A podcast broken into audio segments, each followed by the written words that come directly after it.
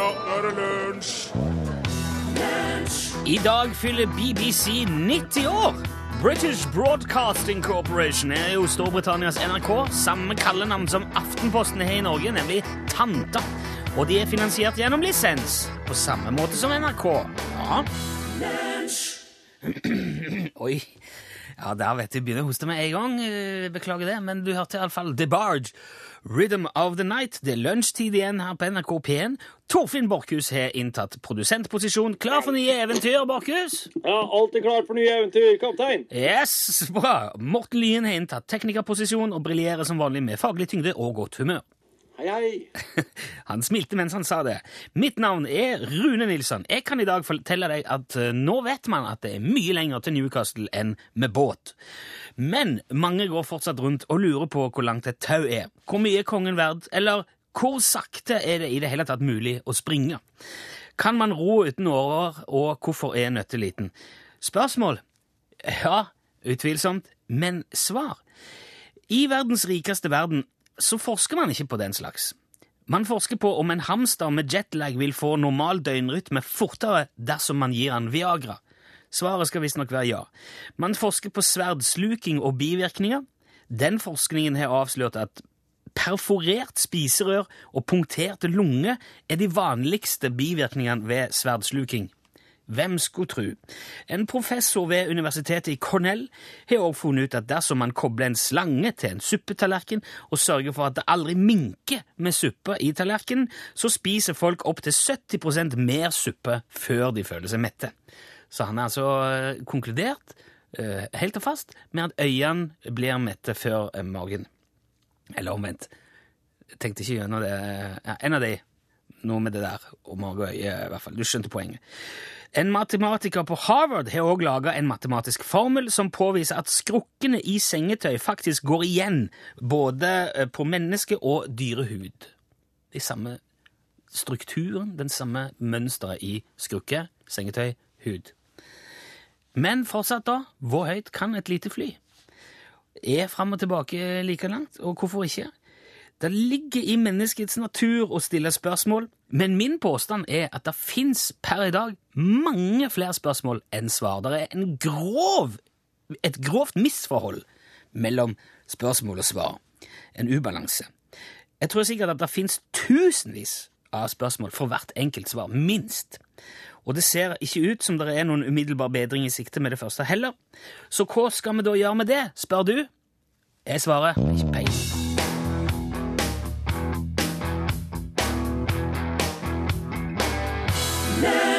Det var Donkeyboy, eller Asselguten, som eh, det hadde blitt hvis bandet hadde vært norsk. Og det er det jo, men de synger på engelsk. Og det gjør at de òg plukker et engelsk navn, som Donkeyboy. Men Æselgutten, hvis uh, Og sangen hadde hett omtrent det samme. Ambisjoner Ja. Har allerede begynt å bleikna. ja. Du, der er, der er, hvorfor kan ikke jeg le når Oslo er òg et spørsmål som Besta har sendt oss, og det er det heller ingen svar på.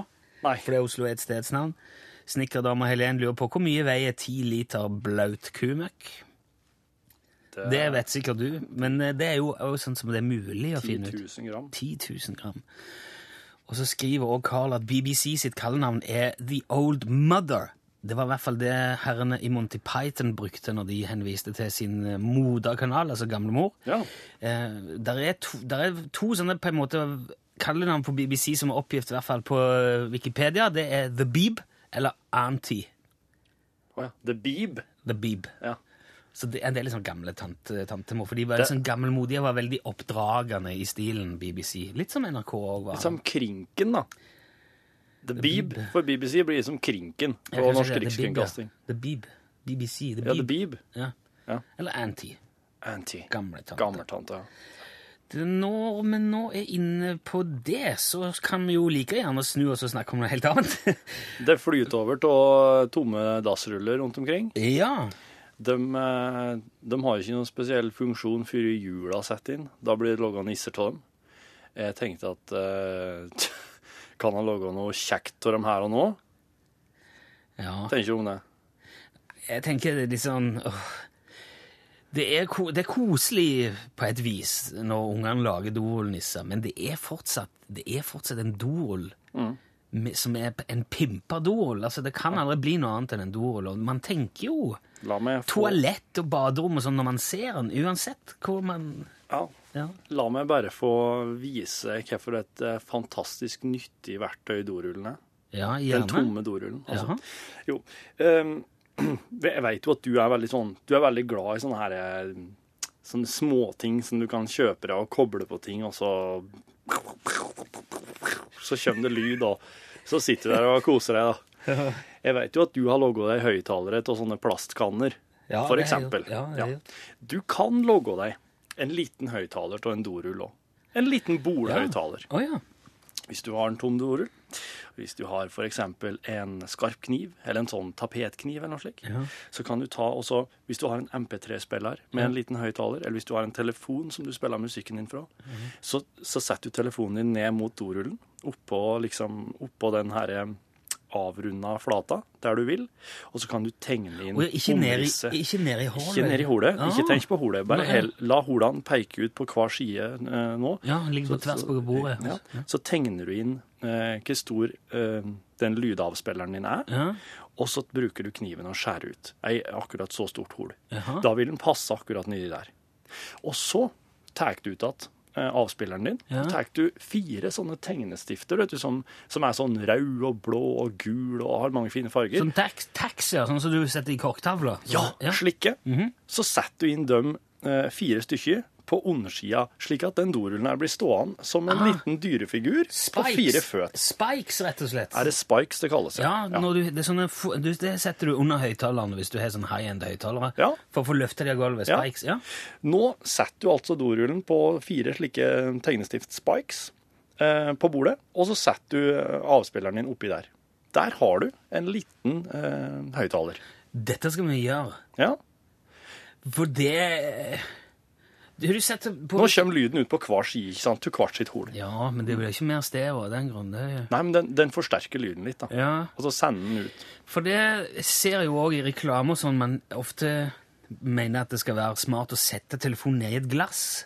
Ja, det gjør jeg Hvis, iblant. ja, hvis du skal spille. Ja. Men det blir jo ikke Det blir egentlig bare mer sånn Sånn. Det blir mer, mer sånn. Har du, prøvd, har du prøvd i badekar? Da blir det ganske mye lyd, for eksempel. I badekar? Og hvis jeg Vet du, har men vet du hva jeg har prøvd å gjøre? Nei. Jeg har tatt en sånn en, zip-po, en sånn tett pose, Ja. og så har jeg lagt telefonen oppi, og så har jeg senka den ned i badekaret mens han spiller musikk. Og hvis du da legger deg bak i badekaret sånn at ørene ikke sant, blir, kommer Mm. under vann, uh, sånn at du hører den der sånn, når det, når det, blir lukker helt seg rundt det, stilt, ja. da hører, For det bærer jo så bare juling gjennom uh, vannet, vet du. Så da he, blir hele badekaret blir høyttaleren din. Det fylles med lyd. Ja, Du hører det skikkelig høyt. ja. Oi. Det er veldig stilig. Jeg lå og hatt podkast med Ricky Gervais på den måten. I badekaret. Ah. Og det, ble, det, det er veldig det som nesten som å ligge i høyttaleren. Um, ligger du til du er helt hvit og skrukket? Ligger til podkasten er ferdig. Ja, så du ligger med andre ord til du ser ut som en sånn hjulpølse.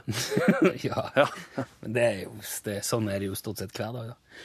Veldig uh, bra tips. Jeg har flere dorulltips som jeg kan ta litt sånn etter hvert. Ja, ok. Hvis, du, eh, hvis det er andre som er dorulltips, så kan du godt sende de til oss òg. Ja, ja, ja. ja. L eh, med ja, L for lunsj til 1987. En krone koster det.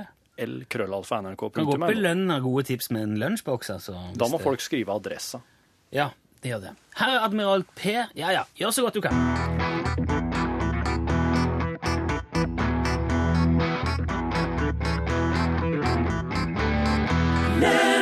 Gjør så godt du kan, da, Admiral P. Det er jo ingen som kan forlange mer, Torfinn, Nei. enn at du gjør så godt du kan. Nei, nei, nei. nei. Mia fra Alta har et dorulltips til deg. Kom med det. Ja, hun brenner det i ovnen, hun. ja. Det er jo eh, Ja. Jo, jo, jo. Det går eh, jo an. Det går, det går absolutt an. Ja. Vi fikk òg et uh, tips fra Silje på e-post. Lkrøllalfa.nrk.no, der du du rett og slett bare ti veldig mange doruller og klemt litt på dem, slik at de blir litt sånn oval når du ser dem fra sida. Og så har bare, altså har de limt i hop utover i et mønster så det forgreiner seg, og så er det hengt på veggen. Så det ser ut som ei, det ser ut som ei grein i full blomst med blader. Eh, og hengt rett ut på veggen. Så får du liksom det farga i veggen. Det gjør jo ikke det. Det ser ut som en haug med dola som kan minne om ei grein i full blomst. Det er vel mer Ok, presist. Så hvis du går f.eks. på ei kunstutstilling, Rune, og så ser du et litt sånn abstrakt bilde altså det, er sånn, det, det er ikke helt overtydelig hva det her er. Hva tenker du da? ja, Hva er det for noe, tenker jeg? Ja, også, Men tenker du noe videre på det? Altså, La du på en måte La du tankene Det- det- springe? Det, det er litt generelt dette er veldig vanskelig å svare på, føler jeg, om jeg lar tankene springe. Ja, akkurat. Det kan jo være både det ene og det andre, sikkert. En eller annen har nok sannsynligvis tjent en haug med penger på det, i hvert fall, tenker jeg. Der, der tenker du, ja. Ja. Ja, akkurat. Musikk skal spilles på stereoanlegg, står det her. Det er òg et godt poeng. Ja, ja. Jeg tror ikke du skal, skal satse på det der Doel-greia som, en som en erstatning for det. Det må være til, ute i hagen eller Ja, eller ikke sånn, på, på hotellrom. på tur. Ja, tur. ja det, det, det var der det var tenkt som. Så det var på ingen måte tenkt å erstatte det store anlegget ditt. Nei. Nei. Uh, Henning Henning Solheim skriver at Doel-kjerner er noe marsvin og ørkenrotte og lignende setter veldig stor pris på. Det kan du legge inne i buret åt Ja. marsvinet ditt, ja. Så, så hvis du har veldig mye Doel liggende, kjøp deg ei ørkenrotte. Så har du, så ja. har du da, har, da er det i gang. Da har du det gående. Eh, De kommer til å bli perlevenner. Knut Ivar han bruker Doelen som oppbevaring til ledninger. Ja, Det er et kjempetriks. Hvis du er lei av ei kasse fullt av ledninger som har kveila seg i hop, så skal du heretter begynne å ta alle mulige USB-ledninger, eh, små Ikke de største skøyteledningene dine, de får jo ikke plass, men alle sånne småledninger. Når du har rulla dem i hop, så tar du dem bare og stikk dem inn i dorullen og legg dem i kassa. Og så kan du til og med sette dem prøve å sette dem i kassa slik at de står med ene holet opp, så ser du hva slags ledning som ligger nedi der. Det er et veldig, veldig bra Har han skrevet adressa si? Ja. Det var bra for han, for da kommer det en blå lunsjmatboks i posten til han. Det heter lunsjboks, det. Eh, og så er det en som skriver at bikkja var tullet etter leverpostei. Nevnte vare smurt inni en tomroll som så ble lukka igjen. enden, var knall tidsfordriv for bikkja. OK, men da lurer jeg på hvordan klarte han å stenge den i enden? Nei, jo, Kanskje et eller annet slags form for uh, giftig lim? Nei, jeg tror ikke giftig lim og ikke teip. Gaffel? Nei, Nei, vel. ikke, nei Stift? Nei, for å tygge. hundene skal ikke få til seg. Nei vel. Så det, det er interessert i å vite. Hvordan stengte du den i endene? Ja, ok. Um, så jeg har også fått en del eh, innspill på det der med fram og tilbake. Det er jo ikke like langt, det er dobbelt så langt. Så hvis man skal si fram og tilbake like langt, så må man si fram er like langt som tilbake. Oh, ja. Da, går- da går det an. Fram er like langt som tilbake. Ja. Med mindre det er snakk om at man er på fest. Som eh, Grim har vært en gang. Da gikk det helt fint å gå fram, men det tok mye lengre tid å komme tilbake. Så dette er òg relativt. Ja, for da er det jo Hjemme for fest så er det jo ofte slik ett steg hit og ett steg dit. Så vandrer vi på skolevei. Ja, heimatvei. Nå skal vi spille Mathilde, When Something Ends. Og etter det så skal vi sjekke hva Prince driver med akkurat nå. Artisten Prince. Artisten Prince Det er jo ikke han, Karrieren hans er jo skal ikke si på hell, men han er jo ikke der han var. Han må nok ta seg litt strøjobber innimellom. Vi skal sjekke. Vi overvåker han. Heng med.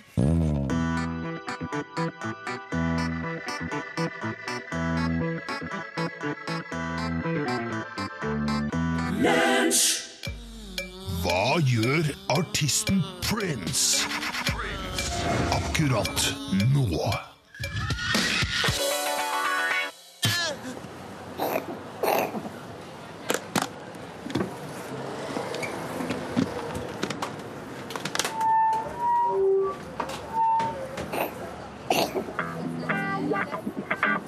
Wow.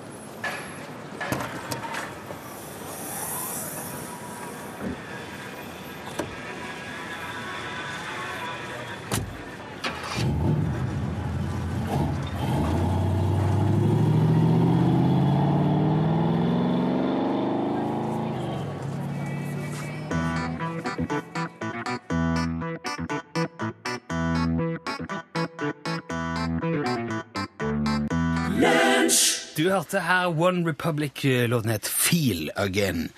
Og du hører på Lunsj i NRK P1, og i dette programmet så har vi en tekst som går igjen, eh, som er henta fra RFSUs brosjyre eh, Sex i praksis. RFSU står for Riksforbundet for seksuell opplysning. Det er jo et eh, ja, det er vel et statlig, et kommunalt organ? Ja. Statlig? Ja, det er det. Som opplyser om sex. da, og eh, Denne teksten har Torfinn funnet. Det handler om eh, ja, hvor, for, hvor, på forskjellige måter å ha sex på. eller Plasser. ja, På steder er det, ja. Vi har prøvd den som en låt av Bjørn Eidsvåg. Eh, ja, først med De Lillos. Ja. Ikke fullt så bra. Bjørn Eidsvåg eh, mye, mye bedre. Det det er, heller ikke det dumt. Nei.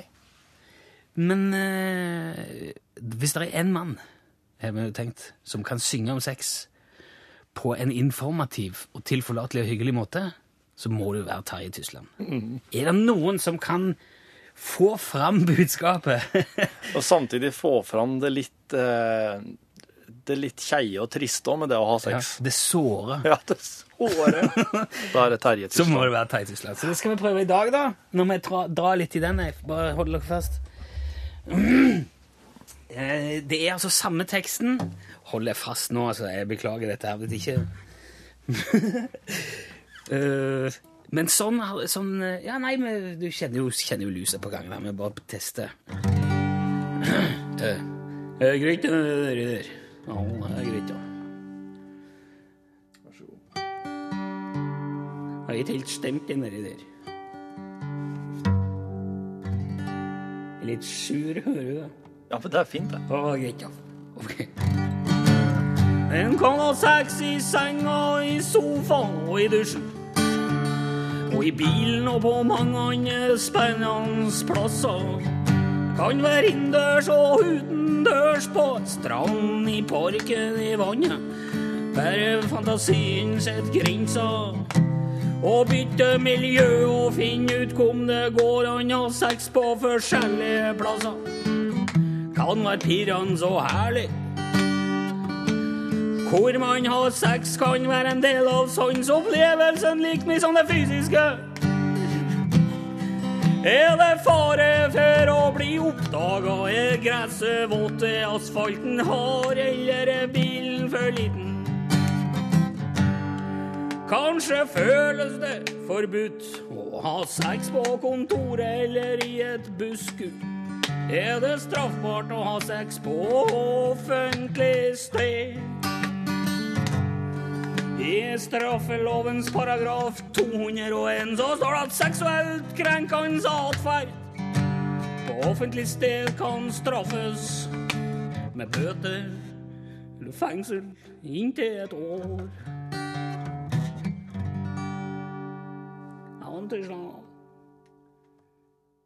Jeg syns, jeg syns at du fikk fram veldig mye, både på godt og vondt, med det å, å eksperimentere i plasser av sex i- med Terje Tysland-versjon. Jeg syns det er en av de sterkeste kandidatene til nå, iallfall. Syns jeg òg. Besøk gjerne Lunsj sine Facebook-sider. Facebook.com skråstrek lunsjnrkp1. Jeg slo de helt tilsynet for høy moral. Det var Fru Johnsen av Inger-Lise Andersen, senere Rypdal. Steinmer. Ja, men hun var så ung. Nå tilbake til Andersen, ikke sant? Ingen Lise Oi, er det det? Nei. Det er May-Britt Andersen, er jo søster. Hun heter jo fortsatt Andersen. Og heter fortsatt Inger-Lise Andersen heter jo Rypdal. eh, Jeg vet ikke, jeg på veldig tynn is nå. Ja, for at hun ble Ikke lyst til å stå på denne isen her. Kan vi gå i land eh, og snakke om noe annet? Vær så god. Eh, Det som, det som man skal gjøre med den dorullen som man gir til bikkjer som leker, Ja. det er å brette den bare sammen. Ja. Eh, og det er det flere som skriver det er ypperlige leker for bikkjer. Og bare putte et eller annet godt inni der, brette i hop Ja. og slenge på gulvet. Så holder de det gående i en stund. Ja. Jeg, fikk, eh, og fikk også en, eh, et innspill her eh, fra Hvem var det nå, da? Ei dame som la inn på Facebook-sidene våre, oh, ja. som sier at du kan bruke doruller for å Hvis, hvis du vil f.eks. Ha, ha ruller med gavepapir, ha ruller med matpapir, eh, slike ting, som lett kan begynne å rulle seg sjøl ut. Eh, plakater. Ah, ja. Kan du ta en tom dorull? Som en sånn holder, Ja, liksom. så kan du Du kan enten bare stikke dem rett inn i den, hvis de er små nok, Ja. eller hvis det er litt, kanskje de er litt større enn dorullen, så må du bare klippe dorullen på langs, og så på en måte klemmer du den inni. For da kan du ta Men den, dorullen er ikke så sterk. Den Nei. holder ikke hva som helst. Da må du Den er- teipe den eller noe. den heller ikke hva som helst. Og da vil teipen vet du, klistre seg fast til plakaten under. Ja, du må ikke, ikke, ikke begynne å blande inn teip. Hyssing. Da kan du like bare knytte. Du trenger jo ikke en dorull da. Nei, men den dorullen kan Dette, dette er et litt rart tema. Så sitter med og snakker om dorull eh, nå. Ja, men det er en ting som oppstår i hvert, hver heim, kanskje opptil flere ganger for uke, som er en ting som bare ligger og flyter. Det flyter overalt hjemme som jeg. Jeg går og plukker litt hele tida. Jeg skulle ønske at jeg hadde bare en sånn Så snart jeg fant Dore, så bare Yes! Endelig! Så får jeg pakka inn den ledninga eller den, det gavepapiret. Vet du hvor mye en fisk veier? Ja, Eller hvor mange, hvor mange dører er det som går innover? Åh, alle. Ja vel? Hvor mange runder er det på Bislett stadion? En. Én? Ja. Ja vel. Det er bare én runde. Alt annet blir på en måte bare repetisjoner av den samme runden. Det blir bare gjentagelser. Ja, men da kan du like godt si skal Vi bare, vi tar ikke maraton, vi tar bare en runde, for det, det, blir bare, det blir bare i repetisjon uansett. Ja, men Da, du, i, i det, med det perspektivet så hadde jo alt bare vært en runde, da. ja, det kunne godt vært det, syns jeg. Det Ja. kunne vært sånn at fotball, første målet vant. ja, Sudden death. Ja, Ja. Det hadde vært kjempespennende. ja. Du hadde fått en del kamper som bare varte et par minutter òg. Ja, så kunne han fått funnet på noe annet. etterpå. Ja. Ja. Eh, Fram og tilbake dobbelt så langt. Ja, ok. Nei, men jeg tror vi har fått uh, ja, Vi har fått sagt det beste og det, det meste. Du mener det? Ja, Er det Når noe du- mer du må ha med her nå? For jeg hadde tenkt jeg skulle spille litt musikk, og så skal vi ha Hallo, hallo. eh. Det høres ut som en god plan. Ja, ok. Du behøver ikke ringe ennå. Vi kommer tilbake til den. etter- at Jeg spilte denne låten her. Den hadde fin bit, du. Ikke rapp. Kjente det ble helt sånn Slutt. I takt. Ja da, ja da. Dennis Edward Slutt å rappe. og Sidda Garrett. Du, jeg slår deg i ansiktet. Don't look any further, heter låten. Du. Doffenbakken er forbanna nå! Send e-post bokstaven L for lunsj. Krøllav fra nrk.no. Dennis Edwards og Sidda Garrett og Don't look any further. Hørte du lunsj på NRK P1 og Torfinn liker Det er ikke rapping. Det er et rytmisk eh, eh, prat. I takt med- Ja. spy. Nå er det på tide å la noen andre fortelle sin historie. Um, Jeg hørte det ringte allerede. det hørte det ringte allerede. Ikke sagt. ja, men det OK. Det får vi ta som en tillitserklæring på at folk husker nummeret. Er er. Og vet hva det går i når vi sier hallo, hallo. Hallo, hallo. Å, hallo! Rist. Hæ? Du hadde et veldig bråk på linja di. Ja, det var det. Jeg vet ikke hva som skjer. Det er et eller annet som ikke er helt eh, Har du, har du Ringer du fra inni ei sånn MR-maskin? Nei, jeg Nei. ringer fra hustelefonen. Uh, vet du hva? Et, um, jeg tror det er litt vanskelig å høre rett og slett hva du sier. Jeg tror vi må enten prøve å ringe opp igjen, eller så må vi prøve igjen, for dette her blir veldig tungt å høre på. Ja. Kan du prøve å ringe meg, da? Ja, jeg kan ikke ta nummeret ditt på radioen. Vet du hva? Jeg, jeg må si tusen takk for innsatsen, men vi ble stoppa av eh, teknikken her, så vi blir rett og slett nødt til å bare bevege oss videre. Jeg beklager det, min gode mann. Vi fikk ikke tatt navnet engang, men der var det et eller annet lok på linja. Nummeret er uansett 815 21 031. Og nå eh, er det Vi får bare åpne igjen, og så får vi se om noen kan eh, ja. på. Dette her skjer jo her og nå. Vi, må, vi stopper ikke, vi måler ikke, vi sjekker ingenting. Vi bare hiver rett ut. Ja. Og når det er folk, så sier vi hallo, så alt kan skje, da. Ja. Og Men det, jeg tror kanskje at han ble av, at han ble avlytta. KGB Det der er det nok, ja, det er nok Men, KGB. men jeg kan si hallo, hallo igjen nå. Hallo? Hallo! Ja, det er Nils fra Oslo. Hei, Nils fra Oslo. Velkommen om bord. Der var det Vet du hva, så stille at jeg var usikker på om du var der. Nei, jeg har hørt dere lenge prata, jeg. Ja, se det er så hyggelig. Nils, Ja, ja, ja. Hei, Nils. hvor eh, Kan jeg spørre hvor i Oslo, Nils? Kampen? Kampen? Ja. Der er det fint. Ja, det er beste plassen i Oslo. ja, det er, det er jo sånn eh, det er så gammelt og fint. Det var jo der Olsenbanden dro på pub. Ja, ja, ja, jeg har drukket med det mange ganger, jeg, vet du. Ja, for, da, for de som ikke er kjent i Oslo, Olsenbanden og eh, puben, da, du, da vet de hvor du er, Nils. Du, Hva har du tenkt å fortelle oss i dag, Nils? Jo, det var eh, for mange, mange år siden, som sagt. Jeg er jo blitt pensjonist, men jeg var til sjøs. Ja. Og så jeg var jo gjerne litt inne på avspasering om sommeren og sånt, og det passa jo bra. Og jeg traff jo en nydelig lita dame som bodde på øh, ja, overfor øh, Ankerbrua der. Nå Grünerløkka. Ja, ok, ja. Ja. Og vi var jo ute noen ganger og tok noen pils og spiste, og til syvende og sist så havna vi hjemme hos henne og hadde det hyggelig. ja. Sånn. Ok. Så fikk jeg telefonnummeret, skulle avtale at jeg skulle ringe dagen etter for å møtes. Og jeg ringer, og så, ser jeg, og så får jeg svar i telefonen. Så sier jeg hei, det er Nils. Hvem Nils? Oi. Nei, nå må du slutte. Så det- vi hadde jo en avtale at jeg skulle ringe i dag. Og hadde vi det, ja? Jaha, ja, det huska ikke hun. Oi. Ok, vil du bare å fleipe med meg, eller var jeg så dårlig? ja, nei øh, Ja, kan du minne meg på noe, da? Så begynte jeg å prate, vet du. Du sa den beste elskeren jeg har hatt, og gjorde sånn og ditt og datt, og det var ikke måte på. Oi, oi, oi. Du, vet du hva, sa Jeg tror du skal snakke med dattera mi. Å nei, å nei, å nei! Vi var helt lik stemme i telefonen. Å nei, å nei! Hvor Enda på, ja, men enda på visa var jo at jeg ble invitert hjem dit på kvelden og gikk dit. Det var veldig hyggelig, det. Ja, er du, er dere kontakt fortsatt, eller? Nei, det smeller faktisk. Ja, okay. Er jo jeg reiser jo til sjøs igjen. Ja, kjempebra. Du får, eh, du får tommel opp overalt. Jeg håper alle fikk med seg det.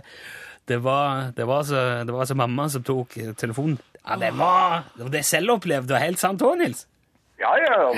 Altså, nå må jeg bare legge til at vi bodde i leiligheter ved siden av hverandre, men dette er jo så lenge siden, så alle hadde ikke telefon, så hadde en sånn sidetelefon kobla inn i sin leilighet. Å ja. Så når, hun, eh, når vi ringte de, så var det mora som eh, tok telefonen og eventuelt satt over til dattera. da. Ja, ja, ja, jeg skjønner.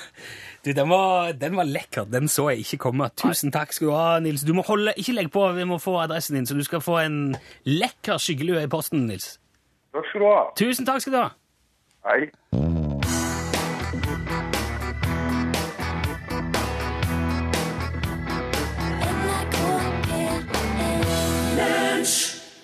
Fun, rett og slett. Moro heter bandet, og låta heter Some Nights. Og du fikk den helt på tampen av lunsj eh, i dag. Bare nevne helt kjapt at eh, Inger Lise heter Rypdal Torfinn. Det er kanskje én runde på Bislett, men det er åtte baner. Det vil si at det er minst åtte runder. Torfinn. Siden det er åtte baner, åtte runder, greit. Det er er jeg med på. Ja. Og så, hvis du snur og springer tilbake, så er det 16. Nei, det er jeg ikke Ja, med det på. er, kan fort bli så mange runder du nesten bare vil. Ja. Poenget er bare at du kan i hvert fall ikke svare på det. Og det kan du, Eirik Kjos. Hm? Svare på hva? Hvor mange runder er det på Bislett? Hvor mange runder det er på Bislett? Det er det. Det som skjer nå da i studio, det er at eh, Rune Nilsson ramler nærmest av stolen. Synker ned. eh, Jeg satte Kortvokst foten størrelse. oppi, oppå Du må ikke gjøre det. Du Skal vi gå videre til det som, skal, det som er grunnen til at jeg er her? Vær så snill, Erik Ja, Kjos. altså Jeg er jo her fordi at eh, vi skal ha norgesklasse straks her i P1. Vi er vel på, på godt norsk i gang allerede. Og eh, våpen og dere Jeg regner med at Rune kanskje ikke har våpen, men Torfinn, det tar jeg for gitt. Du har våpen.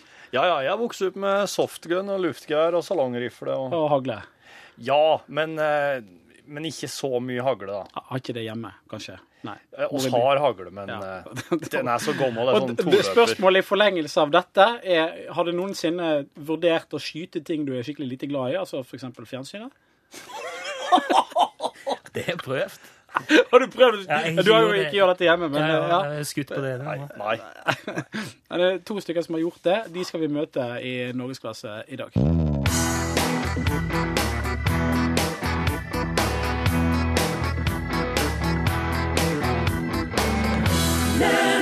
Dette her er Ja, du har jo nå hørt hele lunsjpodkasten for torsdag 18. oktober. I dag er det en helt spesiell podkast. Det er kanskje, nå tror jeg kanskje er den mest spesielle vi har hatt. Det er her Dette er bonusen da for de som ikke Med skulle laste ned for første gang. Ja, nå er du kommet til bonusen. Det her er ekstramateriale. Og med oss i, på kontoret kanalsjef i NRK P1, Jon Branes. Hjertelig Velkommen, hit. Takk for det. Jeg føler meg som jeg er på DVD2. DVD2. Ja, DVD2. så bo, altså bonus-DVD. Ja, ja, det er jo det. Det er behind the scenes. Ekstra material. The making of. Jepp. Dette her baler de å streve med, men du får ikke høre det på radio. Nei, men det er jo hyggelig å få høre det likevel, takket være informasjonsteknologien. Ja. Vi er jo Torfinn er veldig flink på informasjonsteknologi, eller IT-teknologi, som Lars Bonheim sa i sin tid. Det er ofte slik med den som er født etter 1950. Kjeften på deg. Det er jo, det er jo sånn, eh, Før så het det, da, da jeg gikk på skolen, da, som er enda eldre enn dere, så het det EDB. Ja. Uh, og eh, nå eh, Jeg husker veldig godt min første hjemmedatamaskin. En Sinclair ZX81. Og du hadde såpass, ja. Det var Som som hadde- før ZX Spektrumen, det. 1, K, 1 kilobyte ram. Ja. Det var ikke like med grønn skjerm, var det? Nei, den hadde, den hadde vid- kilobyte? Ja, 1 kilobyte. 1 K. Det, det er Og så liksom fikk du kjøpt en sånn sak med en kontakt som du stappa inni, så fikk du 16 til. Ja, det var jo helt vilt. Ja, og det eh, brukte jeg nesten ikke. Det var jo, det var jo det første jeg husker Eller det var jo Commodore 60. Først kom VIC 20. Den hadde jo 20K. Og så var Commodore 64. Den hadde 64. Ja, Det var ganske enormt, husker jeg, Ja. når noen fikk en Commodore 64 til konfirmasjon. Det var, for det var jo eh, Det var jo Ja, det var mye, altså. Når vi hadde data Jeg hadde ikke data på skolen, men når vi hadde data på ungdomsskolen, så var det VIC 20 man brukte. Det var det var, hadde ikke råd til det Commodore 64. Men imellom der så var jo også ZX Spektrum. Husker du den? Den lille svarte som hadde lyden innebygd. Den hadde 48K, husker jeg. Ja, og den kom etter denne ZX81. Og vi, jeg husker på ungdomsskolen, da jeg gikk på ungdomsskolen, så hadde vi ZX81 i EDB-opplæringa, men da med denne der ekstra eh, eh, Ja. Nesten boksen med minne, som gjorde at du kunne Da hadde du nok ram til at du kunne lage et program som, som eh, fylte i en tippekupong. På slump. Shit. Jeg sitter og lurer på hva slags maskin vi hadde i klasserommet på, Dalen skole. Det var, slik, altså det var jo sånne tynne papirdisketter. Eh, alle tastene var firkanta, men det som, tekst, det som bokstavene sto på, det var, de var rund. Så det satt en runding, rund forhøyelse oppå den firkanta tasten.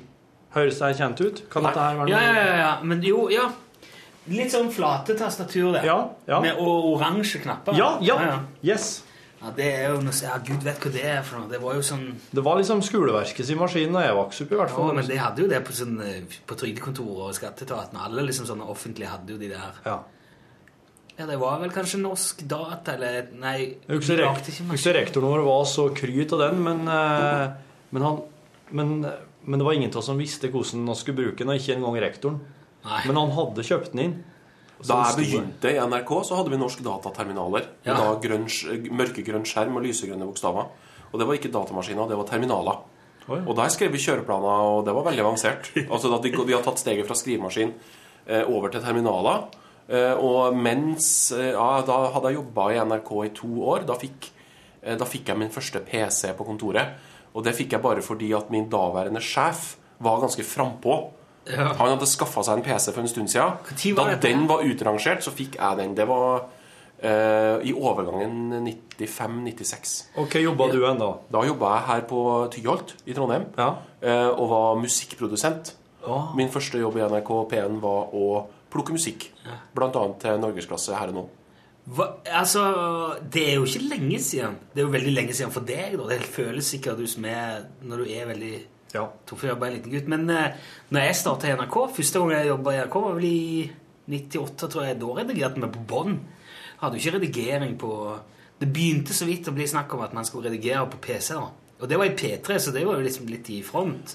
Det som jeg savner fra denne tida på 90-tallet eh, i NRK, er jo nettopp det at du kunne ta en eske eller to med spolebånd under armen Ja. og gå fram og tilbake i gangen, så så det ut som du jobba. ja, du, Ja, du det, ja, ja. Det kan du ikke lenger. For nå da ser du bare ut som du jobber i arkivet. Ja. Og det, så helt, det var ekstremt sånn ressurskrevende, for det gikk jo ved Altså, du klippte vekk bånd. Det heiv du jo. Det sto en kasse med svære vaser med, med teip, da, eh, lydbånd, som du klippte vekk. Men overgangene ble jæklig fine. Så måtte du først finne skrudde den fram og tilbake på lydhåret.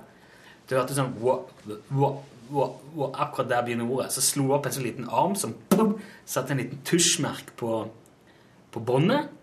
Under, og så la du båndet i en er et spor som lå oppå, og så dro du ned en kniv og så klippte det. Og så hadde jeg en sånn liten rull med teip. teip. Teiper den sammen Enda i Toffen skjønner ingenting. Jeg så eh, så er det, det, det, er litt, det litt synd at man ikke ser håndbevegelsene til Rune på den Ja, ja, for her har man rett og slett bare fått All mimikken Ja. med båndredigering er med her nå. Ja, det var en veldig elegant koreografi. Ja, ja, det var, men sånn var det faktisk uh, før de Ja, ja, men Og jeg har jobba i nærradio en gang hvor vi tok vare på alt båndet vi klippet av, og satte det sammen igjen for at vi skulle bruke det til noe annet. For bånd var dyrt. Men, det var, men de var tom. Det var, det var ikke noe på dem, da. Eller Jo, men tok det du bånd som Å ja, du kunne slette dem? Ja, en, ja. Det hadde vi i Radioaktiv. I gamle dager hadde vi en, en elektromagnet, en liten svart boks, Ja. med en sånn en uh, liten tapp opp. Og på den kunne du legge enten en, sånn en eh, si, hvit sånn plastrunding, nesten som senterkoppen på, en- på en plate, en singelplate. Bare det at den passet akkurat i hullet på spolebåndet. Slo du på den, og så sa han Og så dro du båndet i ring rundt i forskjellige bevegelser. Snudde det der oppe, og så var det tomt etterpå. Da var det bare sånn Jeg, jeg, jeg ser en ting som gikk tapt med den tida her. Og det er at når du drev og klypte og redigerte, og du klyfte vekk eh, små bannbiter her og der og heiv i bytta Tenk hvis du hadde ti de bannbitene og bare teipa dem i hop Ja. og kjørt som en slags sånn eh, rar sånn, et slags samtids... Eller sånn eh, Du bare får mye sånn eh, ja. Ja, bla, bla, bla. bla, bla. Det ble gjort. Det ble gjort, ja. Også, det ble aldri sendt på lufta, men eh, det kan jeg så fortelle sånn fra internt, nå som det har gått så mange år, at det var, det var enkelte programledere i radioen som ikke var like populære hos det tekniske personalet. Og vi skal overhodet ikke nevne navn. Men der, det blant annet, det som gjorde dem upopulære, var at de, de hadde ikke nødvendigvis verdens beste diksjon bestandig. Kanskje ikke alltid like forberedt da de eh, gikk i studio. Og um, kanskje også slet noe med munnlyder. Som jo eh, Nei, vi skal ikke snakke om noen. Men eh, da var det faktisk eh, litt sånn sport i Det gikk sport i å ta vare på alt som ble tatt ut av et opptak. Så alle slags munnlyder, smatting, feil pust, eh, hvesing eh, Alt slikt som eh, kan komme med hvis man eh, sitter i studio og er kanskje ikke så komfortabel som man skulle tro når man først har det som arbeid. Og det ble satt sammen. Og ble visstnok avspilt på teknikernes julebord. Har jeg latt meg fortelle. Ja, ja, ja. Uten at, jeg, uten at jeg noen gang har vært eh, til, til stede. Men eh, jeg, jeg, jeg ble bare litt redd for at denne podkasten nå høres ut som Teknisk museum. Ja, ja, ja. Men uh, jeg kan fortelle en historie fra Teknisk museum. Ja. For jeg var der nemlig forrige helg. Tek, altså Teknisk museum i Oslo. På Kjelsås, ja. For jeg, jeg bor jo på Østlandet. Uh, og ungene mine, som er 10 og 8, er veldig glad i Teknisk museum. Alle er det. Det er en fantastisk plass. Der har de en eh, utstilling nå om musikkmaskiner. Og der står synthesizeren til Magne Furuholmen, som de laget Hunting High and Low med. Men der står også, da i forbindelse med, med, med denne sequenceren, så står det en BBC-computer. En Acorn-computer fra tidlig 80-tall, som ble laga for BBC. Som hadde da 32 kilobyte ram. Og det var egentlig den datamaskinen som jeg vokste opp med. Ikke ZX81, for den ble jeg jo fort ferdig med. Ja. Men den BBC-computeren, den kunne masse, altså. Og hvis du lurer på hvorfor tekst-TV, også i Norge, ser ut uh, som det gjør, så er det fordi at det var tegnsettet til den computeren. Aha. Så tekst-TV-en ble logga på den BBC. Ja. BB, altså British Broadcasting Corporation Computer. ja. De hadde sin egen. Ja. De, de fikk utvikla sin egen. Altså, De bygde den jo ikke sjøl, men de fikk jo et selskap i Storbritannia ja. til å bygge den. Så den står på Teknisk museum, og Teknisk museum kan jeg varmt eh, anbefale. Det er dyrt å komme inn der, men hvis du betaler 400 kroner i året, så får du være med i venneforeninga, og så får du gratis inngang. Å ja. Men eh, du, du, du svir av en hel dag der, da? Ja, du svir av mange dager. Det er jo derfor det lønner seg å kjøpe årskort. Ja, ja, det er jo. Men det er ikke med NRK. Vi har jo ikke egne PC-er. Det er litt dårlig. Nei, Det eh, jeg tror faktisk lisensbetalerne kanskje skal være litt glad for at vi ikke setter i gang et utviklingsarbeid for egen PC. Det hadde, det hadde tatt seg ut. Men uh, der er jo Nå er det jo ikke så mye sånn uh, eh, Man kan ikke klippe sammen de båndrestene ennå. Men eh, der er jo eh, Det hender jo at folk tar vare på ting likevel, som går galt.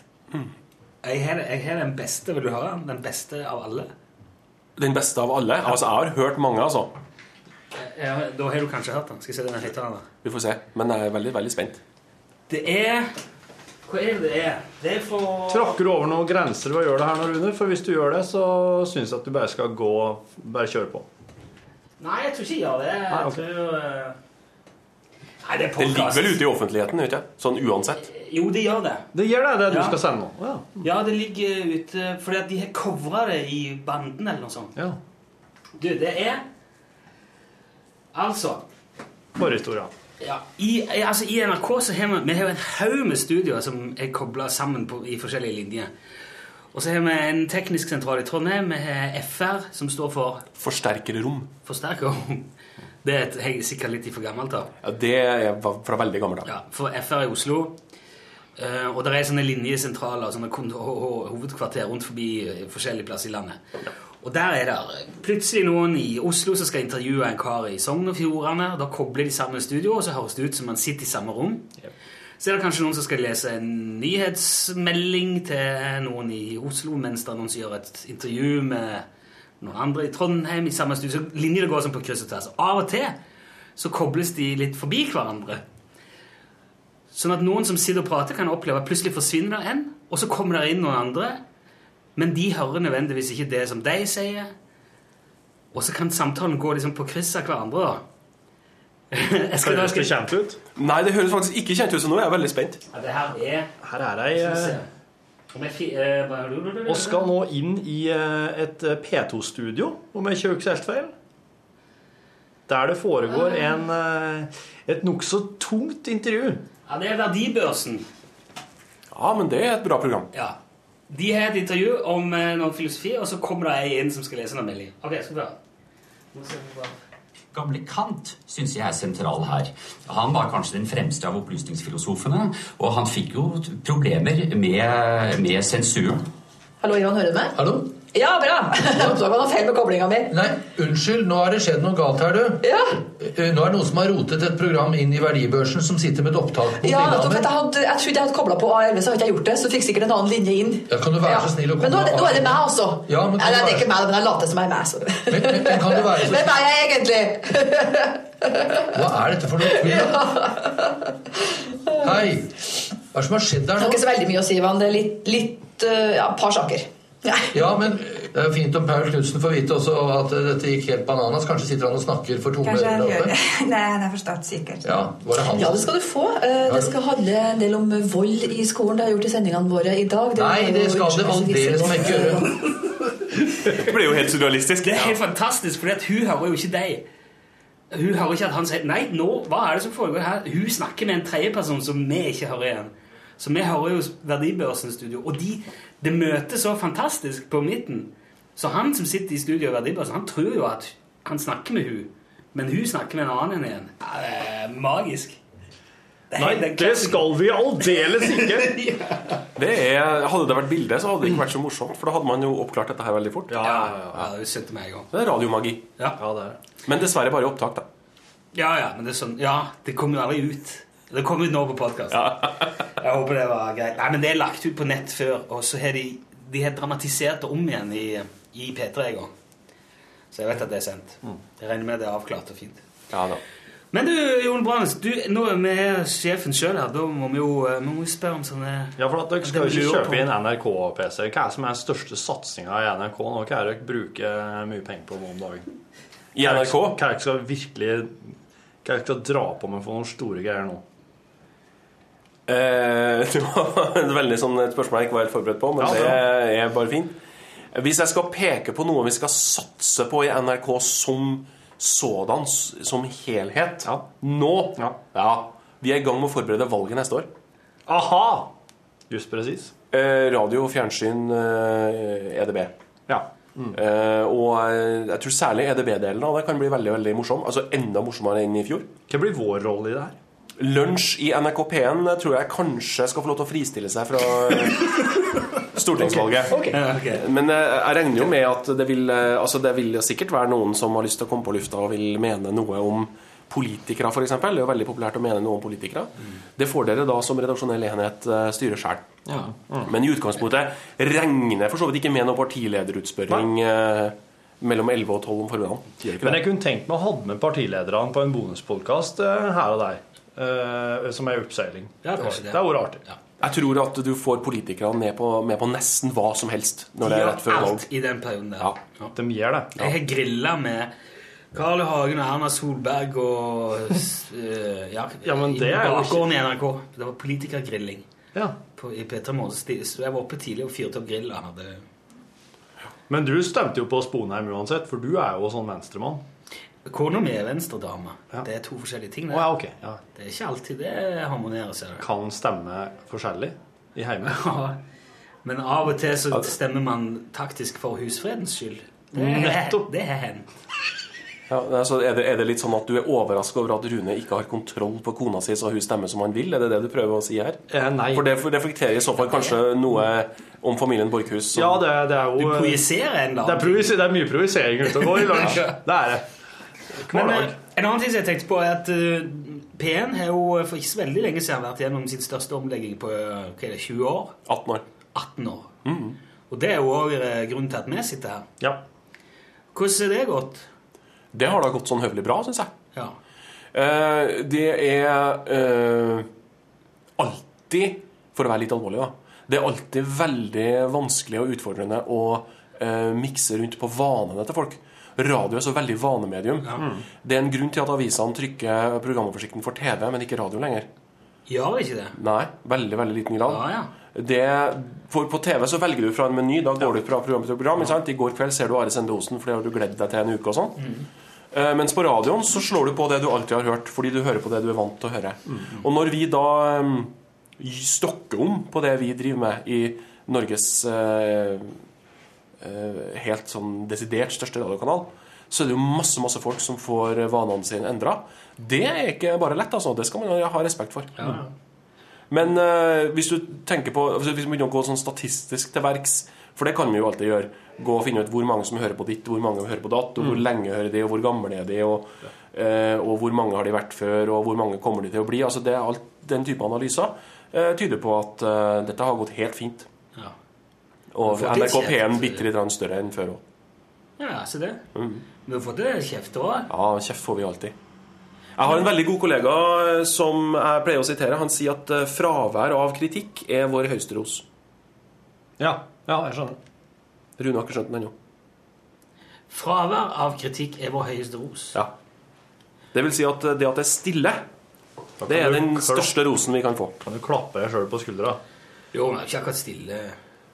Jeg har likt veldig godt eh, nesten all kjeften også har fått, det. For det har jeg, det har jeg syntes har vært på en måte helt på sin plass. Da har jeg tenkt at oss har vært Ja, men at oss, at oss får kjeft som kommer inn eh, på, på P1 mellom 11 og 12 i stedet for distriktssendingene. eh, Med vårt innhold og med vår tone, og gjennom med vår musikk, for jeg er veldig nøye på hver eneste dag å prate med musikkprodusentene for å få den rette musikken som kan på en måte starte med en sånn og avslutter alltid som regel med et eller annet som skal være litt sånn artig, og da er det viktig at musikken bare tar over. Så det blir som et sånn ekstra sluttpoeng. Og den totalpakka der da, som folk får servert der de har vært vant med å fått eh, distriktssendingene, som jo når jeg hører på dem, er, kan være utrolig mye mer nedpå, mye mer alvorlig, ha spilla rolig, fin musikk. Jeg skjønner at det er et sterkt brudd. Det kan virke forstyrrende på folk. Og hvis, eh, og hvis oss da, når det da kommer inn kjeft, så vet jeg at ja, men da, da, da har vi ti vår plass. Ja, så er det jo det at eh, all kritikk kommer jo i bunn og grunn ut av en form for kjærlighet. Sier du det? Som, eh, som, Som på. handler om dem. altså, det, det, det, det kan jeg si som har kanalperspektiv. da. Kjærlighet til kanalen. Kjærlighet til kanalen, ja. Eh, og, og vi opplever jo støtt og stadig å få Vi opplever jo støtt og stadig å få kritikk. Og det er jo gjerne nye ting vi får kritikk på. Det som har vært spesielt med lunsj, har jo vært at det ikke bare har kommet kritikk. Det har jo faktisk uh, både ringt og skrevet og meldt seg folk som har syntes det har vært veldig ålreit. Og Ja. det hører vi jo ytterst sjelden, altså. Ja. At, eh, at, at noen og, og da vi da har vi kanskje laga et program Eller dere har kanskje laga et program som eh, folk har litt sterkere følelser for og imot. Mm. Ikke kanskje direkte elsk-hat, for det er veldig sterkt, men et program som mobiliserer litt følelser i ymse retninger. Men det er jo et ganske stort grep for, for dere som styrer innholdet på P1, som jo er ja, altså I en kjærlig tone kalt Dampkanalen. Og det, er jo, det er jo tanta vår, på en måte, eller NRKs tante, gamle tante. Den eldste og den største radiokanalen i Norge, med programmer som har gått i kanskje 50-60-70 år. Si, det er Barnetimen. Hvor lenge gikk det? Ja. Det har gått uh, veldig, veldig lenge. Går Ja. innover. Og så setter dere på eh, oss, da. Som jo eh, som, Ja, altså mange mener er egentlig et P3-program på mange måter. Ja, jeg syns jo ikke det, da. For jeg syns jo eh, NRK P1 skal jo reflektere alle delene av den offentlige samtalen. da. Altså, Vi skal jo ikke bare ak Akkurat som når dere er i en familietilstelning, om det er barnedåp eller konfirmasjon eller begravelse eller bryllup, så snakker man jo ikke bare om de alvorlige tingene. Nei, nei, nei. Man snakker jo om alt det andre også. Ja. Og man kan selv i en begravelse, hvis stemninga legger til rette på det, kan man jo faktisk smile litt og, og, og liksom snakke om et godt minne, f.eks. Det det som er de beste begravelsene. Ja. Og jeg tenker at det skal jo også NRK P1 reflektere. da. Vi skal jo ikke bare snakke om det som er viktig, og det som er vondt og leit, men vi skal også snakke om det som muntrer oss opp, og det som er med på å gjøre hverdagen eh, skulle si utholdelig. Nå høres det ut som vi bor i et u-land, det gjør vi jo ikke. Men altså, det som, det som er med på å få dagen til å gå rundt, da. Men det er jo et, det er jo et uh, skritt, da. I en, uh, altså, det er en uh, Det er et major grep. Ja, det er jo det. Og det er jo et skritt i retning av at kanalen skal være mer relevant for flere. Ja. Fordi parallelt med NRK P1 så har vi NRK P2. Og den utvikler vi jo også. Men vi utvikler den i den andre retninga.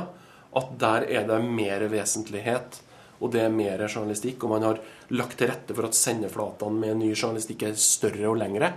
Eh, og man har lagt til rette for at eh, man kan være fleksibel med at eh, man kan, I dag kan vi f.eks. snakke kanskje en og en halv time om dette emnet, fordi vi har plass til det. Mens en annen dag så snakker vi om fire forskjellige emner. Eh, og det er lagt opp til at det også skal være fleksibelt, slik at folk skal ha mulighet til å velge. da. Og så hadde jo Lars Nilsen fra Studio Sokrates på bonusen her i går, og da prata vi i 40 minutter om en fyr i USA som er død for lenge siden. Ja. Så det Han er pragmatismens far. Som, jeg minner meg om at jeg må få lasta ned og hørt den der. hørt. det er veldig gøy å ha med Lars innimellom. Lars Nilsen er jo, han er jo genial. Altså, et, av mine, et av mine favorittprogram da i gamle NRK P1 Gamle, skal jeg til å si. Det er jo den nåværende, men Lars Nilsen jobba jo i P1 før. Ja. Og da laga han et program som het Country og Vestens filosofi.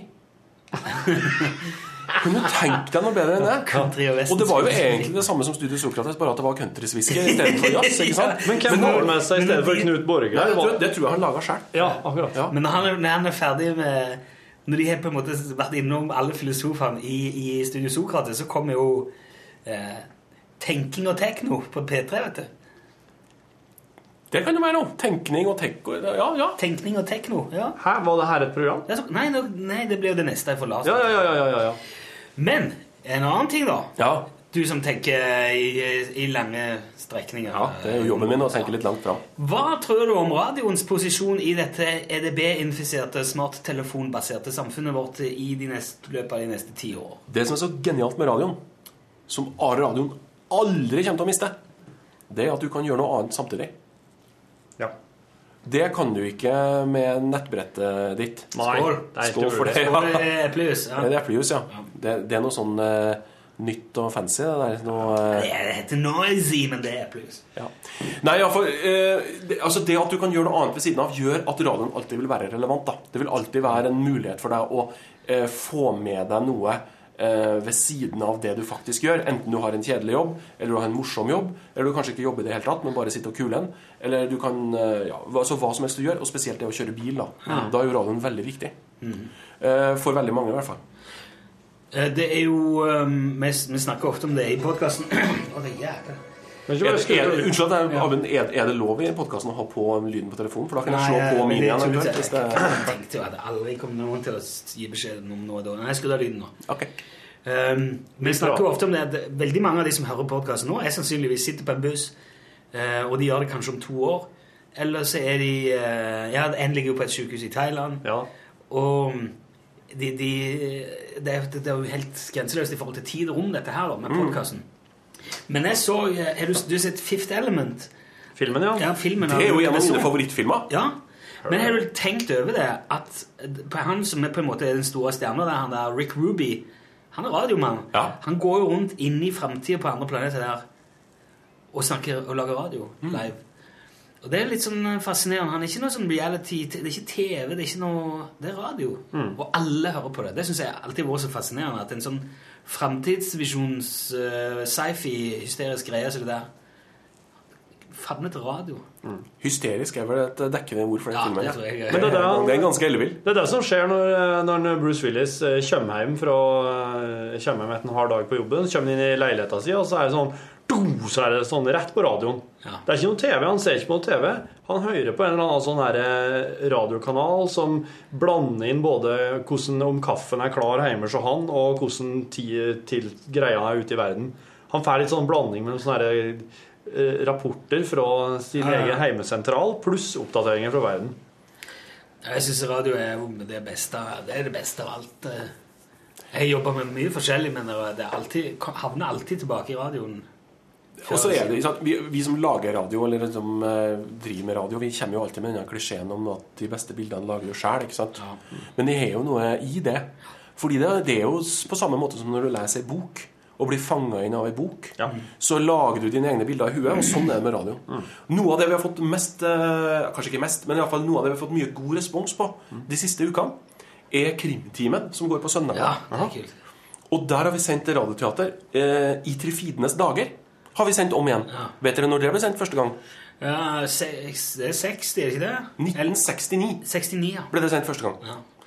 Og det funker som en kule fremdeles. Og folk eh, ringer inn og vil ha opptak, og eh, de vil eh, få med seg de vil, Når går det i reprise, og ditt og datt. Og svaret er jo at det her har jo gått i reprise noen ganger, det. Men, men eh, og det, det, det, det med lagt ut Jeg tror det er gitt ut på CD også. Men det er nettopp eh, hvis, du, hvis du spør folk som er like gamle som meg, og kanskje litt eldre, så vil de ha veldig sterke minner Ja. fra Trifidenes dager. Fra Tordivelen flyr i skumringen. Fra de radioteatersuksessene som var på spesielt 70- og, og 80-tallet. Rett og slett fordi at de bildene de har laga sjøl i huet, er så sterke. Men vi legger ut Krimtimen som podkast? Eller?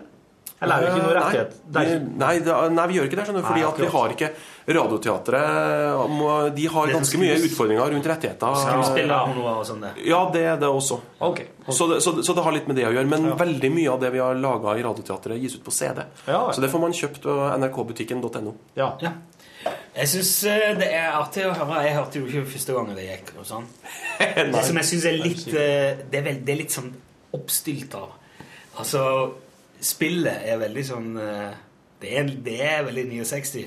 Ja, jeg vet ikke hvor de er, men det er nok ikke lenge til de kommer tilbake. Nei, det er jo, ble jo parodiert allerede på 70-tallet, det der. Ja, ja, Men Men samtidig det er jo noe godt med det, så det er jo det det var. da. Eller, ja. Ja, nei, Dickie Dick Dickens, altså. Og, og, og mitt navn altså Tenk på den serien om Cox. God aften, mitt navn er Cox, som Ja. altså gikk på eh, tidlig 50-tall. Og det folk ringer og skriver med ujevne mellomrom og vil ha det i reprise. Altså. Men du, tips altså til deg òg, sikkert. Julepresang til fadderen. Med? Dick Dick Dickens på CD. Ja, det liker han. Garantert eh, vinner. Ja. Jeg kjørte det til svigerfar over flere år. De har liksom dobbelt-CD i kjempefine bokser i NRK-butikken. Farsan kjører jo dyrebil, vet du, så han eh, kunne ordna noe sånt som han kunne sitte og hørt på. Ja, Det har jeg ikke tenkt på, faktisk. eh, Lydbok og den slags. CD, men ikke Dick Dickens. Det er. Ja. Nei, det er utrolig hva man kan bruke radioen til. Og da tenker jeg at Hvis man skal gå tilbake til alvoret igjen og se framover i tid, ikke sant? så handler det jo veldig mye om for oss eh, om det vi lager på radioen. Skal det bare være der og da, her og nå? Eller skal det kunne brukes senere, og hvordan skal det i så fall kunne brukes? Type podkast som, som dette her. Nå er jo dette bonusen, riktignok, men programmet deres fra i dag ligger jo i, i forkant her. Hvordan skal vi kunne bruke det om igjen? Sveriges Radio har jo inngått en avtale med Spotify.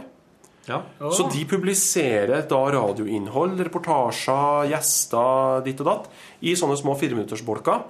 Så kan du søke det opp i Spotify, på, søke på Sveriges Radio, og så kan du få velge deg sjøl hva du har lyst til å høre på.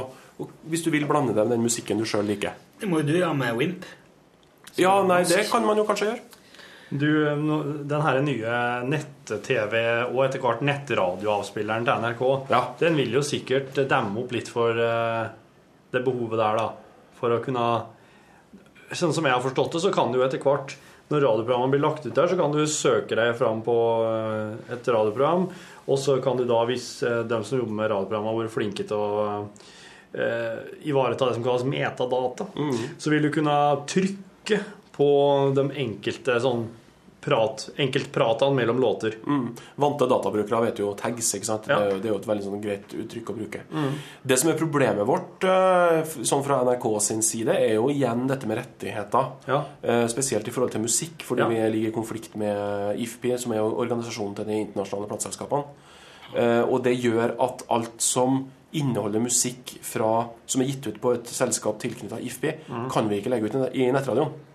Uh, Og det gjør bl.a. at podkasten deres ikke kan ha musikk. Det er jo egentlig mest derfor. Ja, Eh, og um, uh, Så det gjør at når vi får radiobiten på plass da, i denne nettspilleren, som vi kaller det, så vil vi ikke nødvendigvis ha så mye sånn arkiv Altså, vi vil ha mulighet til å søke i arkiv, men du vil ikke få spilt av så mye. Eh, dessverre. Foreløpig. Men eh, du får høre direkte radio i alle Vi har jo så mange kanaler, vet du, at eh, Ja, ja. du, jeg kan jo nesten ikke ramse opp alle uten at jeg tar resten av podkasten.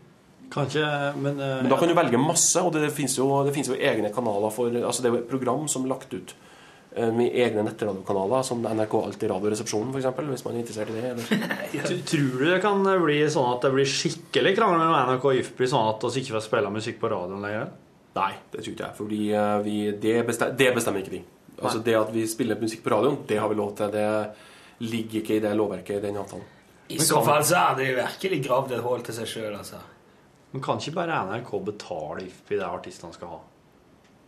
Altså, Vi betaler jo veldig gjerne, men vi vil ikke at det skal gå opp 800% Det handler jo om det var jo der det stranda. At eh, kravene til IFPI var mye høyere enn det vi syntes var rimelig. da. Har IFPI fått sånne store driftskostnader om med sa at det skal gå mye til Det, nå, nå begynner vi liksom å grense over i det der hvor jeg begynner å svare ingen kommentar i bonuspodkasten til lunsj. Og det syns jeg jo er litt sånn ugreit. Jo, men du, det skal ikke så mye til å tenke seg at uh, fortjenesten til plateselskapene ramla dramatisk de siste fem-ti årene. Og en plass skal de vel ta det igjen? Ja. Jeg vet altså, nei. Ja, jeg. Du må jo hente inn der du kan, liksom. Nei. Er det noe annet eh, vi må ta med på slutten? Er det noe vi trenger å vite om uh, P-en og framtida og rikets tilstand? Jon? Eh, vi er veldig happy. Vi eh, skal digitalisere. Eh, det blir eh, DAB. Det Det blir blir, til og med DAB pluss. Plus, ja. ja. Eh, og det gjør at vi får eh, Altså radiotilbudet ditt blir nytt, rett og slett. Altså. Det blir utrolig stas. Det blir jo selvfølgelig altså, vil, Du vil fremdeles ha et P1 og et P2 og et P3. Og du vil ha de kanalene vi nok har allerede. Men kanskje får du noe i tillegg, og, og kanskje vil det du allerede har, bli litt bedre. Og det kan bli veldig, veldig, veldig kult. Bra. Ta med deg det, Torfinn. Ja, jeg tenker med det. Ja, ja. Jeg tenker med det. Hvis, hvis at folk syns at oss høres ut som et P3-program, er det da sånn at eh, er P3 som har et problem her? Er det dem som ikke har gjort nok for å helle seg ung nok i tonen? Jeg tror at de som syns at dere høres ut som et P3-program, kanskje ikke har hørt P3 på noen år. Nei, akkurat. Det er sikkert der. Ja, for det er jo sånn Nei, kanskje ikke helt. Men, eh, men eh, det, det, det høres iallfall ganske annerledes ut. Vi er jo voksne folk. Jeg, i hvert fall. Torfinn er jo men... Jeg har unger, da. Jeg har unger. Ja, du er unger, ja, men det kan jo Ja, ja, ja. ja. nesten hvem som helst.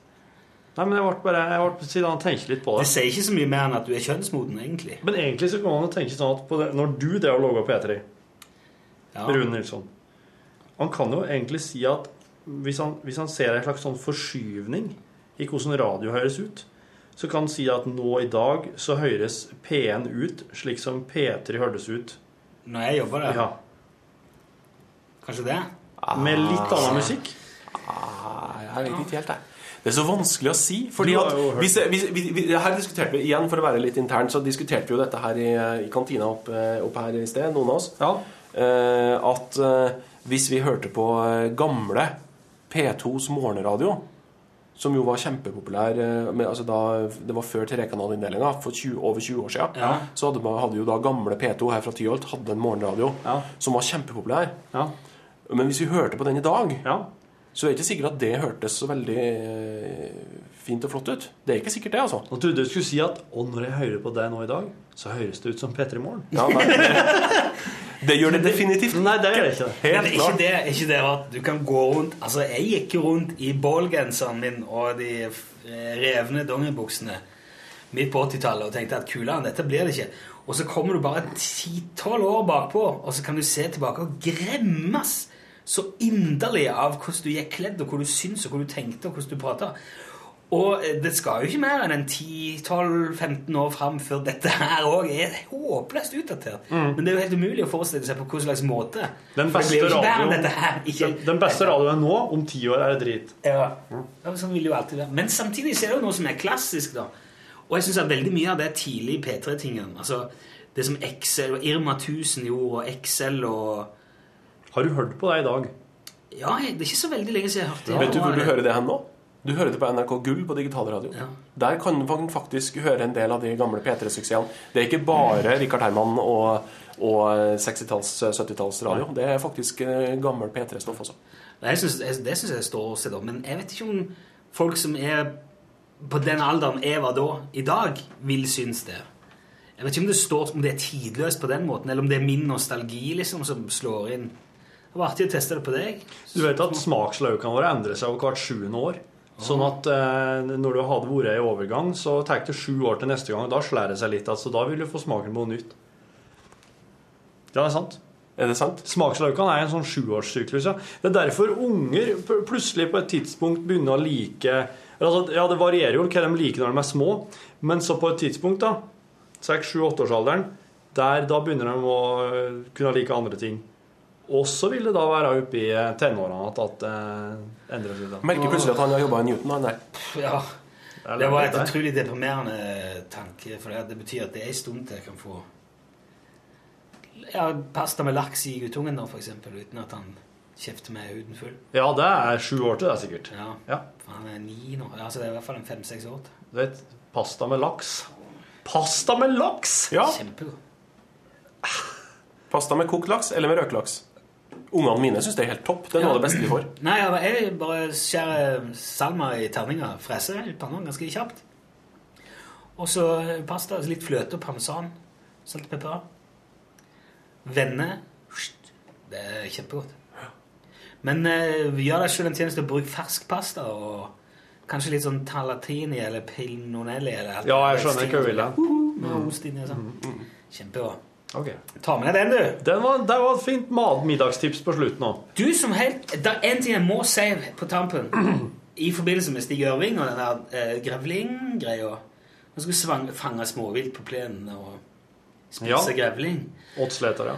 Det er jo engelsk dame. Ei sånn klassisk altså Ei slags britisk Ingrid Espelid Hovig som har gått ut og sagt 'spis grevling'. Ja, ja, ja. Ja, men grevling og hoggorm og slik serverte de på Humlefjell hotell i Os Østerdalen i mange år, helt til de ble eh, busta. Til du blir tatt for det. Kokken, ko, ja, men kokken der, han var en jævel på å nyttiggjøre seg. Det er alvor, vet du. Ikke uten å mukke. Ja, det gjorde han helt til han ble tatt Ja, for det. ja, ja. Han var en racer på å nyttiggjøre seg råvarene i naturen. Så de serverte folk eh, grevling og hoggorm og andre ting òg, har jeg- latt meg fortelle. Men de kalte det noe annet? Ja. Det er vel der i ligger Men altså, grevlingssuppe, hvis du skriver det på menyen, så må det være greit. Ja. Jo, for mente, det er jo eh, avlasting og det er nyttiggjøring og ja, Ja. fornuftig beskatning. Mm. Jeg hadde en grevling i hagen her eh, litt tidligere i sommer. Svær beist. Gikk og grov i Så grov han opp noen tulipanløk og dreit i hullet og stakk. Men eh, Shit, hvis, not, altså. hvis en grevling eh, har først begynt å grave i hagen din, er sjansen stor for at den kommer tilbake. vet du. Jo, men jeg tok han på fersken. For jeg så han. Jeg var ute på Jeg så noe i vinduet, jeg skulle gå og legge meg. Ser jeg det er noe på plenen. Da var han hos naboen. Så jeg gikk ut på altanen, og så sto jeg skikkelig på han, og jeg hadde snøfta og grov nedi der. Og så var han på vei over til meg, så da gjorde jeg Og da stakk han. Jeg ga du en applaus? Jepp. Så det kan jeg si med eh, Grevlinger liker ikke applaus. De blir brydd De er sky. og går. Ja, de er veldig ja, de er det. Ja, Det kan tenkes at den kommer tilbake likevel, da. Men, ja. men for det, er sånn litt applaus skal vel kanskje mer til å skremme en grevling sånn på lang sikt. Men nå snakker jeg som Jeg hageeier som jeg tror de husker jævlig godt, altså. Og jeg tror at uh, han kommer til å snakke med sine grevlingvenner og se det der klappehuset Stay out, altså. Take my uh... Står en fyr på troppa her og klapper. Ja. Vet ikke hvor han vet, Du vet aldri hva han skal. Hold dere unna. Dra til naboen hans, eller? Dem, ja. ja. Borkhus, da. Ja, ja. Ja, men da tror jeg vi har det. Tusen takk for uh, din deltakelse, eh, Jon Branes, kanalsjef, NRK P1. Ja, men Tusen takk for at jeg fikk være med. Torfinn Borkhus. Rune Nilsson. Ja. Skal du si noe smart på slutten? Takk for at du lastet ned podkasten vår. I morgen er det en ny dag. Da snakker vi om eh, nyttig informasjon. Ja, men, eh, du, eh, hvis at du har litt problemer med å få til målinga av kosten når du driver pusser opp, så fest en gummistrikk tvers over bytta og dra av målingkosten på strikken.